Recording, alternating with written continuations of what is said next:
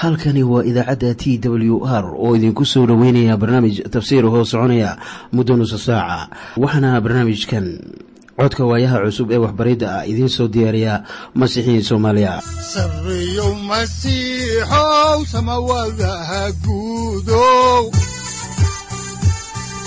Siraadkii adduunkow subanaha eebow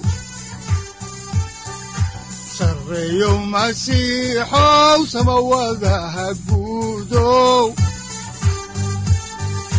siraadkii adduunkow subanaha eebow ku soo dhowaada dhegaystayaal barnaamijkeenna dhammaantiinba.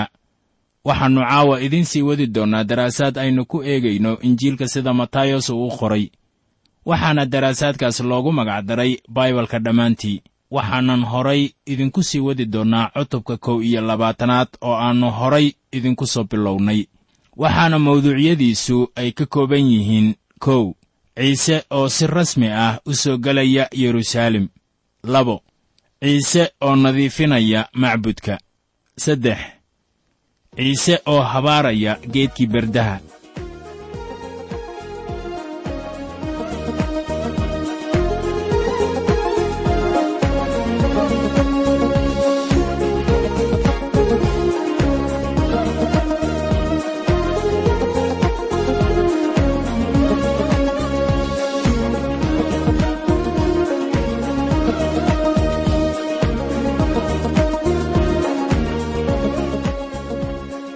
markii noogu dambaysay waxaynu ku guda jirnay faallo ku saabsan dhacdadii taariikhiga ahayd ee masiixiyiintu ay u yaqaannaan gelitaankii guusha lahaa ee axadtimireedka.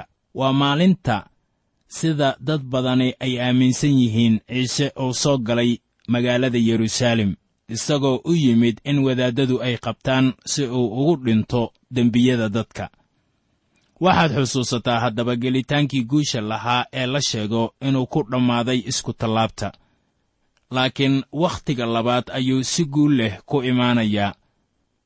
Qoraaga warqaddii cibraaniyadda ayaa marxaladdan si yaab leh isugu keenay sida uu ku qoray cibraaniyadda cutubka sagaalaad aayadda siddeed iyo labaatanaad ee baalka saddex boqol iyo sagaashan ee axdiga cusub.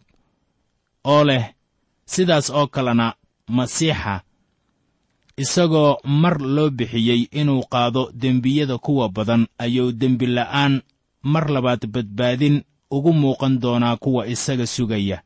Haddaba waxaa inoo sheegay zekariyah markaan eegno kitaabkii uu qoray cutubka afar iyo tobanaad aayadda afaraad markii uu yimaado wakhtiga labaad dunidan inuu ku dul istaagi doono buur saytuun waa halkaas meesha uu cagihiisa saari doono. Dabeetana markii uu soo galo yeruusaalem ayaa taasu ay noqonaysaa gelitaankiisii guusha lahaa.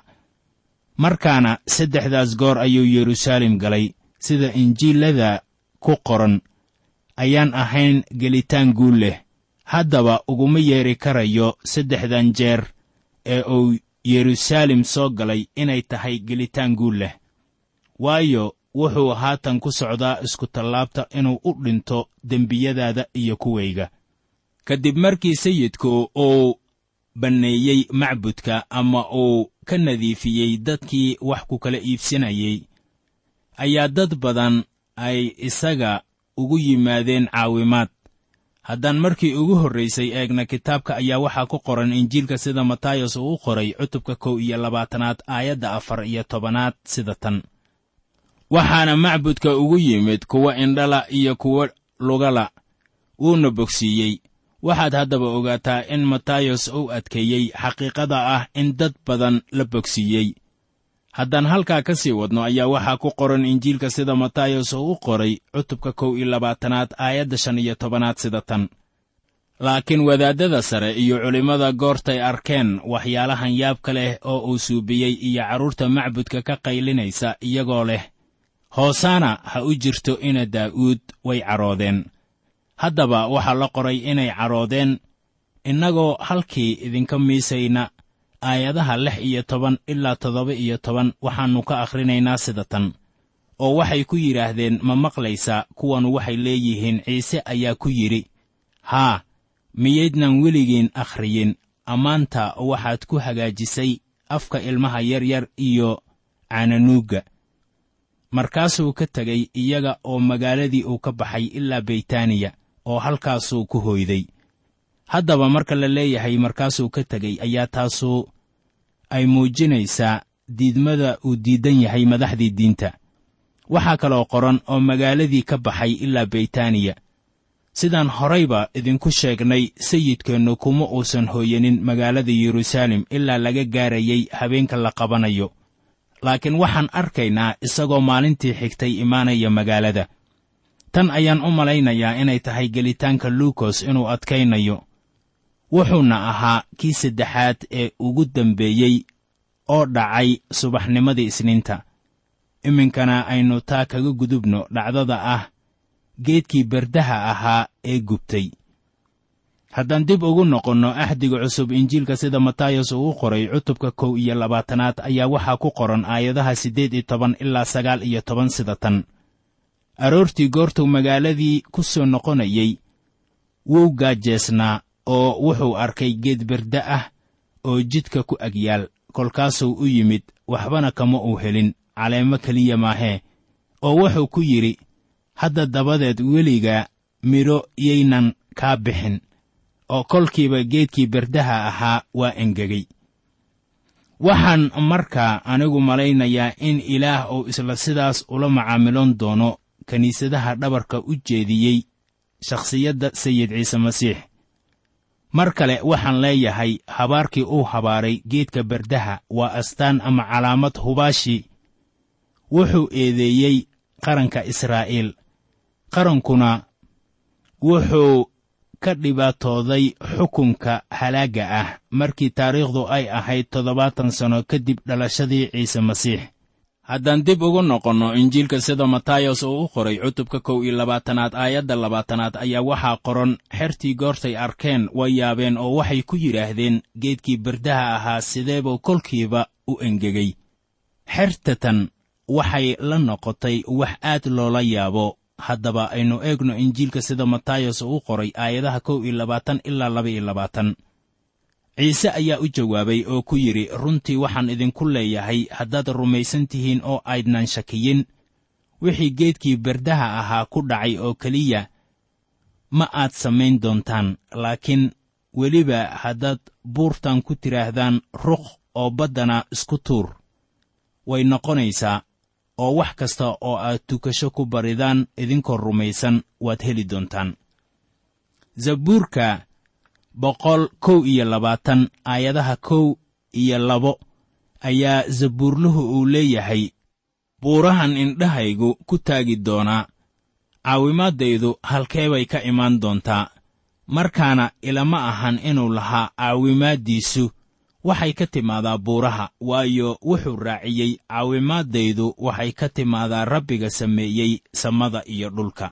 Sida hubaasha ah anigu buurahaas caawimaad kama raadiyo laakiin waxaan u eegaa inaan ku raaxaysto. Weligayna ma aanan doonin inaan dhaqaajiyo. Iminka aynu ka hadalno maaddada ah su'aal aad loo doonayo mar kale ayaa madaxdii diinta ay soo hor istaageen ciise. Haddaan dib ugu noqonno ahdiga cusub injiilka sida matayos uu u qoray cutubka kow iyo labaatanaad aayadda saddex iyo labaatanaad ayaa waxaa qoran oo goortuu macbudkii galay intuu wax barayey waxaa u yimid wadaaddadii sare iyo waayeelladii dadka oo waxay ku yidhaahdeen amarkeebaad waxaan ku samaysaa oo yaa amarkan ku siiyey. Haddaan horay u sii wadno aayadda afar iyo labaatanaad ciise ayaa u jawaabay oo ku yidhi aniguna hal baan idin weydinayaa haddaad taas ii sheegtaan aniguna waan idin sheegi doonaa amarka aan waxaan ku sameeyo.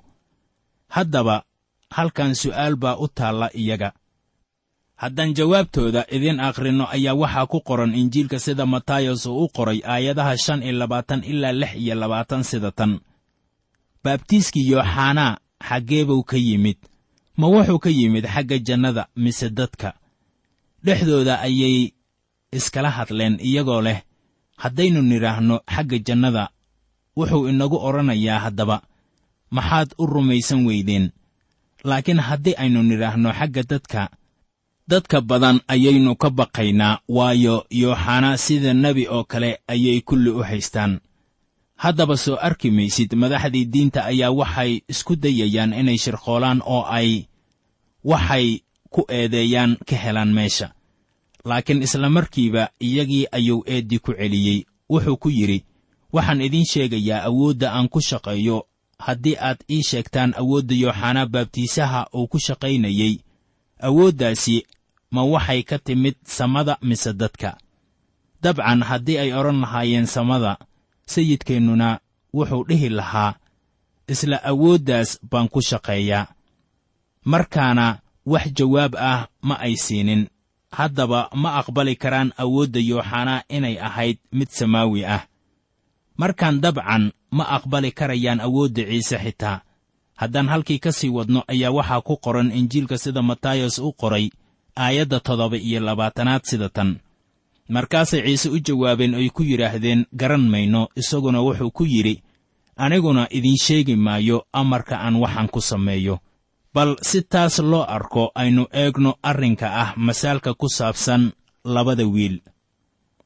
Haatanna aynu eegno injiilka sida matayos uu u qoray cutubka kow iyo labaatanaad aayadaha siddeed iyo labaatan ilaa kow iyo soddon oo leh maxay idinla tahay? Nin baa laba wiil lahaa wuxuu u yimid kii hore oo uu ku yidhi wiilkaygiyow aad beerta canabka ah oo maanta ka shaqee. Wuu u jawaabay oo ku yidhi dooni maayo. Laakiin kolkaas dabadeed ayuu isqoomameeyey oo uu aaday. Markaasuu wuxuu u yimid kii labaad oo sidii oo kale ku yidhi. Isaguna wuu u jawaabay oo uu ku yidhi waa yahay waan tegayaa sayidow laakiin ma uu tegin. Kee baa labadoodii doonistii aabbihiis yeelay. Waxay yidhaahdeen kii hore. Ciise ayaa ku yidhi runtii waxaan idinku leeyahay. Canshuurqaadayaasha iyo dhilooyinka ayaa idinka horgeli doona boqortooyada ilaah. Masaalkan wuxuu caay xun ku ahaa madaxdii diinta. Ciise wuxuu kala mid dhigay iyaga wiilkii kale oo ku yidhi aabbihii waan shaqaynayaa ha yeeshee aan shaqaynin. Sayidku wuxuu meel sare istaajinayaa canshuurqaadayaasha iyo dhilooyinka oo wuxuu ka sara marinayaa madaxdii diinta. Masaalkan maanta xitaa waa dhaqangal. Dad badan ayaa kiniisadda ku soo biiray oo waxay iska dhigayaan kuwa u go'ay diinta oo keligood masiixi ah laakiin sidaas ma ahan arrintu waa ay samayn karayaan howldiimeedyada kiniisadda oo xagga qalbiga ayay kala dhici karayaan waxbaridda. Laakiin ma ahan rumaystayaal dhab ah ilaa la helo cusboonaanta noloshooda. Waxaa ku qoran warqaddii labaad ee rasuul bawlos uu u qoray dadkii korintos cutubka shanaad aayadda toddoba iyo tobanaad sida tan. Sidaas daraaddeed haddii qof masiixu ku jiro waa abuur cusub oo waxyaalihii hore way idlaadeen bal eega wax waliba way cusboonaadeene canshuurqaadayaasha iyo dhillooyinku waxay garteen dembiyadooda oo waxay badbaado ugu yimaadeen masiixa. Haddaan dib ugu noqonno axdiga cusub injiilka sida matayos uu u qoray ayaa waxaa ku qoran aayadda soddon iyo labaad ee cutubka kow iyo labaatanaad sida tan. Waayo yooxanaa wuxuu idinku yimid jidka xaqnimada ah oo waad rumaysan weydeen isaga laakiin canshuurqaadayaashii iyo dhillooyinkii ayaa rumaystay isaga. Idinkuna goortaad aragteen dabadeed iskama aydnaan qoomamayn si aad u rumaysataan. Iminka aynu eegno masaalka nin reer oday u ahaa iyo beertiisii canabka. Masaalkan ninkii reerka odaga u ahaa wuxuu u taagan yahay ilaaha aabbaha ah oo wiilkuna waa sayid ciise masiix beerayduna waxay u taagan yihiin israa'iil. Haddaan idin akhrinno kitaabka waxaa ku qoran injiilka sida matayos uu u qoray cutubka kow iyo labaatanaad aayadaha saddex iyo soddon ilaa siddeed iyo soddon sida tan. Maqla masaal kale. Waxaa jiri jiray nin oday reer u ah oo beer canab ah beertay oo ood ku heeraaray. Dabadeedna godmacsareed ka dhex qoday oo munaarad ka dhisay oo niman beerey ah u kiraystay oo dal kala tegey oo goortii xilligii midhuhu soo dhowaaday ayuu addoommadiisii u soo diray beerraydii inay midhihiisii u soo qaadaan. Markaasaa beerraydu addoommadiisii qabatay mid way garaaceen mid kalena way dileen mid kalena way dhagxiyeen. Haddana wuxuu diray addoommo kale oo kuwii hore ka badan. Iyagiina sidaas oo kaley ku sameeyeen laakiin dabadeed wuxuu u soo diray wiilkiisii isagoo leh wiilkayga way maamuusi doonaan laakiin beerraydii goortay wiilkii arkeen waxay isku yidhaahdeen kanu waa kii dhaxalka lahaa kaalaya aan dilne oo dhaxalkiisa aynu qaadanne haddaba kanu waa masaal tilmaan ah oo sayidkeennu uu bixiyey ilaa iyo hadda taasuna waa dardaarankii ugu dambeeyey ee uu siiyey hoggaamiyeyaashii diinta. Haddaan halkaa ka sii wadno ayaa waxaa ku qoran aayadda soddon iyo sagaalaad ee isla cutubkan. Way qabteen oo beertii canabka ahayd dibaddeeda ku tuureen wayna dileen.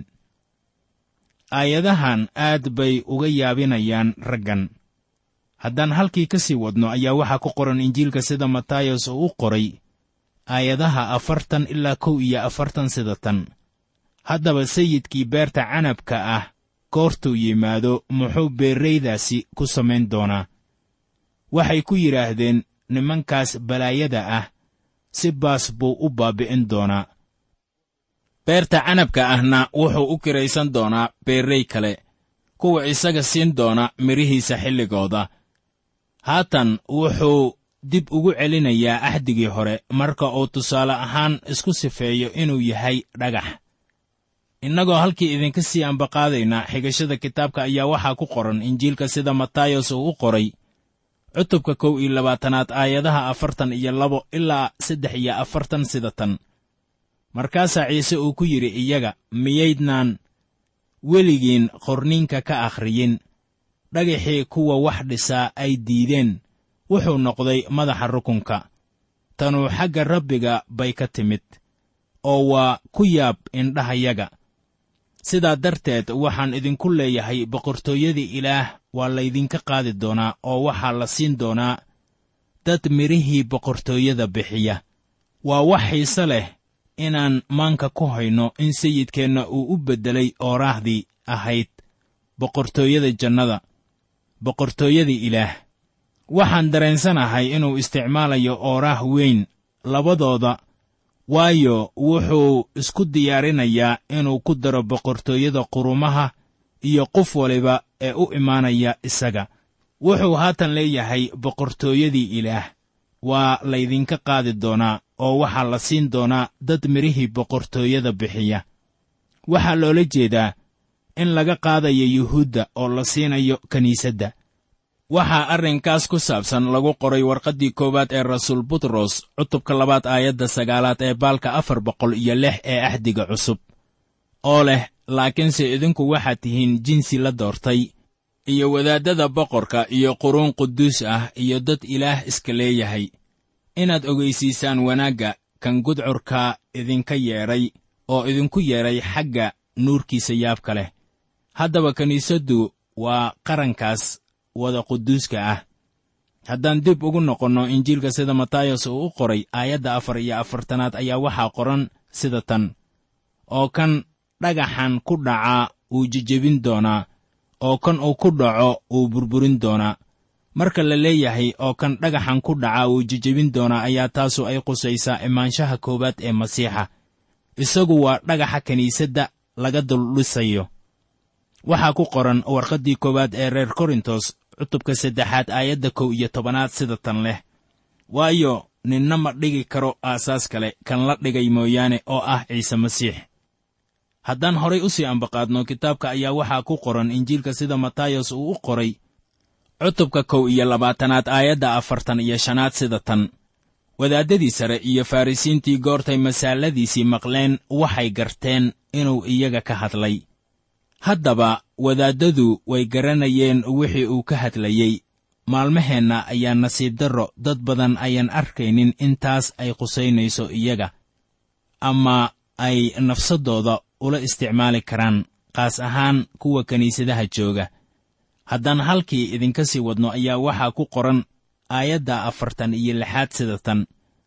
Goortay dooneen inay qabtaan ayay dadkii badnaa ka baqeen waayo waxay u haysteen nebi markaan in kastoo madaxdii diinta ay goosteen in ciise uu dhinto. Markay damceen inay qabtaan isaga ayay dadkii badnaa ka baqeen kuwaasoo u qaatay ama u haystay in ciise uu ahaa nebi ilaah. Waxaanse arki doonnaa inaan loolanku halkan ku dhammaan ee uu weli socdo ha yeeshee halkan ayuu ku dhammaanayaa cutubkan. Ugu horrayntiiba wuxuu soo qaatay masaalkii boqorka kaasoo dhigay xaflad aroos waxaannu masaalkan uu qayb ka yahay jawaabtii uu siinayey wadaaddada sare iyo waayeellada taasoo uu ku bilaabay cutubkii aynu soo dhaafnay. Iminkana aannu ka hadalno maaddada ku saabsan masaalkii xafladda arooska. Masaalkanu waa midka ugu weyn masaaladii ciise kaasoo dhaqangal ah wakhtiga aniga iyo adiga aynu joogno oo ah waktigeennan haddii markii ugu horraysay aan soo xiganno kitaabka waa cutubkan laba-iyo labaatanaade aayaddiisa koowaad ayaa waxaa qoran sida tan. Ciise ayaa u jawaabay oo mar kale masaallo kula hadlay. Haddaba waxaad eegtaa erayga ah mar kale. Eraygaasu wuxuu muujinayaa in ciise weli uu la hadlayo wadaaddadii sare iyo waayeelladii aynu idinku sheegnay. Cutubka kow iyo labaatanaad aayadda saddex iyo labaatanaad. Innagoo halkii ka sii wadayna ayaa waxaa ku qoran cutubka laba-iyo labaatanaad aayaddiisa labaad sida tan oo wuxuu yidhi boqortooyada jannada waxay la mid tahay sidii boqor wiilkiisii aroos u dhigay. Haddaan horay u sii ambaqaadno kitaabka ayaa waxaa ku qoran aayadda saddexaad sida tan addoommadiisii ayuu u diray inay u yeedhaan kuwa arooska loogu yeedhay mana ay doonaynin inay yimaadaan waxaa qoran addoommadiisii ayuu u diray inay u yeedhaan kuwa arooska loogu yeedhay haddaba yaa loo yeedhay waxaa loo yeedhay idihii lumay ee guriga israa'iil. Sayidkeenna ayaa u diray rasuulladiisii iyaga. Soo ma xusuusatid nebiyadanu waxay ahaayeen wargeeyayaasha sida ku qoran axdigii hore. Haddaan xigashada halkeedii ka sii wadno ayaa iminka waxaynu idin akhrinaynaa cutubka laba-iyo labaatanaad aayadda afaraad. Haddana addoommo kale ayuu diray oo wuxuu ku yidhi kuwii loo yeedhay waxaad ku tidhaahdaan bal eega. Cuntadaydii waan diyaargareeyey dibiyadaydii iyo neefkaygii buurbuurnaana waa la qalay. Wax walbuna waa diyaar ee arooska kaalaya. Maxaa jawaabtu ay noqotay haddaba haddaan halkii ka sii wadno ayaa waxaa ku qoran aayadaha shan iyo lix ee isla cutubka laba-iyo labaatanaad sida tan. Laakiin way fududaysteen oy iska tageen. Mid beertiisuu aaday mid kalena wuxuu aaday baayac mushtarigiisii. Kuwii kalena addoommadiisii ayay qabteen. Way nacaayeen oo ay dileen.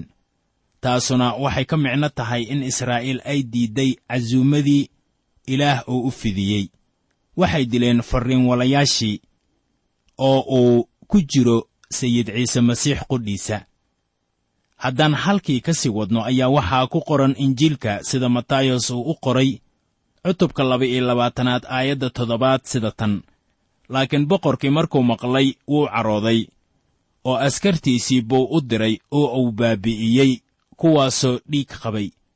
Magaaladoodiina wuu gubay waxaan shaki ku jirin in baabbi'intaasu ay ahayd tii dhacday toddobaatan sanno kadib dhalashadii ciise. Waxaana baabbi'iyey yeruusaalem ninkii la odhan jiray taytas oo ahaa reer rooma. Haddaan halkaa ka sii wadno xigashada ayaa waxaa ku qoran aayadda siddeedaad sida tan. Markaasuu addoommadiisii ku yidhi arooskii waa diyaar kuwii loo yeedrayse ma ay istaahilin haatan waxaynu arkaynaa isbeddel ku yimid qaabkii iyo marinkii casumaadda. Waxayna ku saabsan tahay wakhtigan xaadirka ah ee aynu nool nahay haddaan halkii ka sii wadno ayaa waxaannu eegaynaa iminkana aayadaha sagaal iyo toban ee cutubka laba-iyo labaatanaad. Haddaba taga meesha jidadka ay ku kala leexdaan oo in allah intaad heshaan arooska ugu yeedha markaas addoommadaas jidadkay u baxeen oo ay soo ururiyeen kuwii ay heleen oo dhan kuwii sharka lahaa iyo kuwii wanaagsanaaba gurigii arooskana waxaa laga buuxiyey marti. Hase yeeshee saaxiib waxaad eegtaa waxa dhacay. Markaan idin akhriyayno aayadda xigta ee kow iyo tobanaad oo leh laakiin boqorkii kolkuu soo galay inuu martida eego wuxuu meesha ku arkay nin aan dharkii arooska qabin. Haddaba dharka aroosku waa maxay? Boqorku wuxuu casumay cid kasta laakiin khatar baa imaanaysa haddaan la raacin waxyaabaha boqorku uu ka dalbanayo martida imaanaysa. Dharka arooska waa xaqnimada masiixa taasoo lagama maarmaan u ah badbaadada. Waxaana xaqnimadaas leh mid kasta oo rumaysta masiixa. Rasuul bawlos wuxuu ka hadlay xaqnimadan la carrabaabay sida ku qoran warqaddiisii reer rooma cutubka saddexaad aayadaha kow iyo labaatan ilaa laba iyo labaatan oo leh laakiin haatan sharcigan la'aantiis ayaa xaqnimadii ilaah la muujiyey. Waxaana u marag furay sharciga iyo nebiyadii. Waxaana weeye xaqnimada ilaah oo lagu helo rumaysadka xagga ciise masiix oo u ah in alla intii rumaysata oo dhan waayo kala duwanaan ma leh. Markaana dadka oo dhan waa inay leeyihiin ama wataan dharka arooska haddaan halkeedii ka sii wadno injiilka sida matayos uu u qoray aayadaha laba iyo toban ilaa saddex iyo toban iyo afar iyo toban waxaa qoran sida tan oo wuxuu ku yidhi saaxiibow sidee baad halkan u soo gashay adigoo aan dharkii arooska qabin? Wuuna iska aamusay. Markaasaa boqorkii wuxuu mididinyadii ku yidhi lugaha iyo gacmaha ka xidha oo gudcurka dibadda ah ku tuura halkaas waxaa jiri doonta baroor iyo ilka jiririqsi waayo kuwo badan baa loo yeedhay laakiin kuwo yar baa la doortay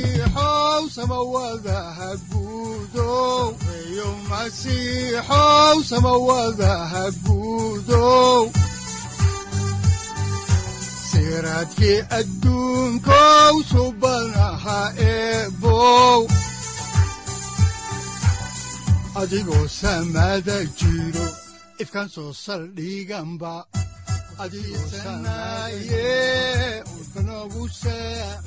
halkani waa t w r idaacadda t w r oo idinku leh ilaa ha idin barakeeyo oo ha idinku anfaco wixii aad caawi ka maqasheen barnaamijka.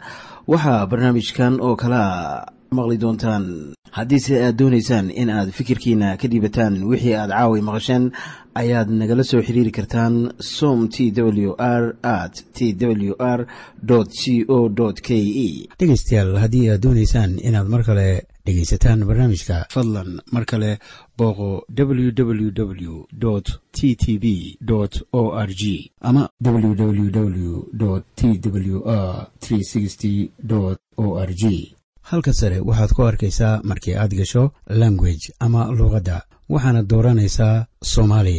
Haddii aad doonaysaan in aad dejisataan oo kaydsataan barnaamijka ama aad mar kale dhegaysataan fadlan mar kale booqo www t t b t w r o r g ama www t w r o r g haddii aad doonayso in laga kaalmeeyo dhinacyada fahamka kitaabka amase aad u baahan tahay duco fadlan fariimahaaga soo mari bogga aaraahda ama kommentska inana jawaab degdeg ah ayaanu ku soo diri doonaa amase ku siin doonaaye sarreeyow masiixow salula wihiyow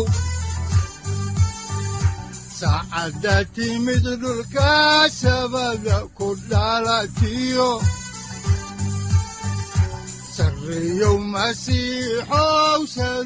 halkani waa t w r oo idiin rajaynaya habeen baraare iyo barwaaqaba leh inta aynu ka gaari doono wakhti aynu ku kulanno barnaamij la mida kan caawayay aad maqasheen. Waxa aan idinku leeyahay nabadda ciise masiix ha idinku badato xagga jidhka iyo ruuxaba. Aamiin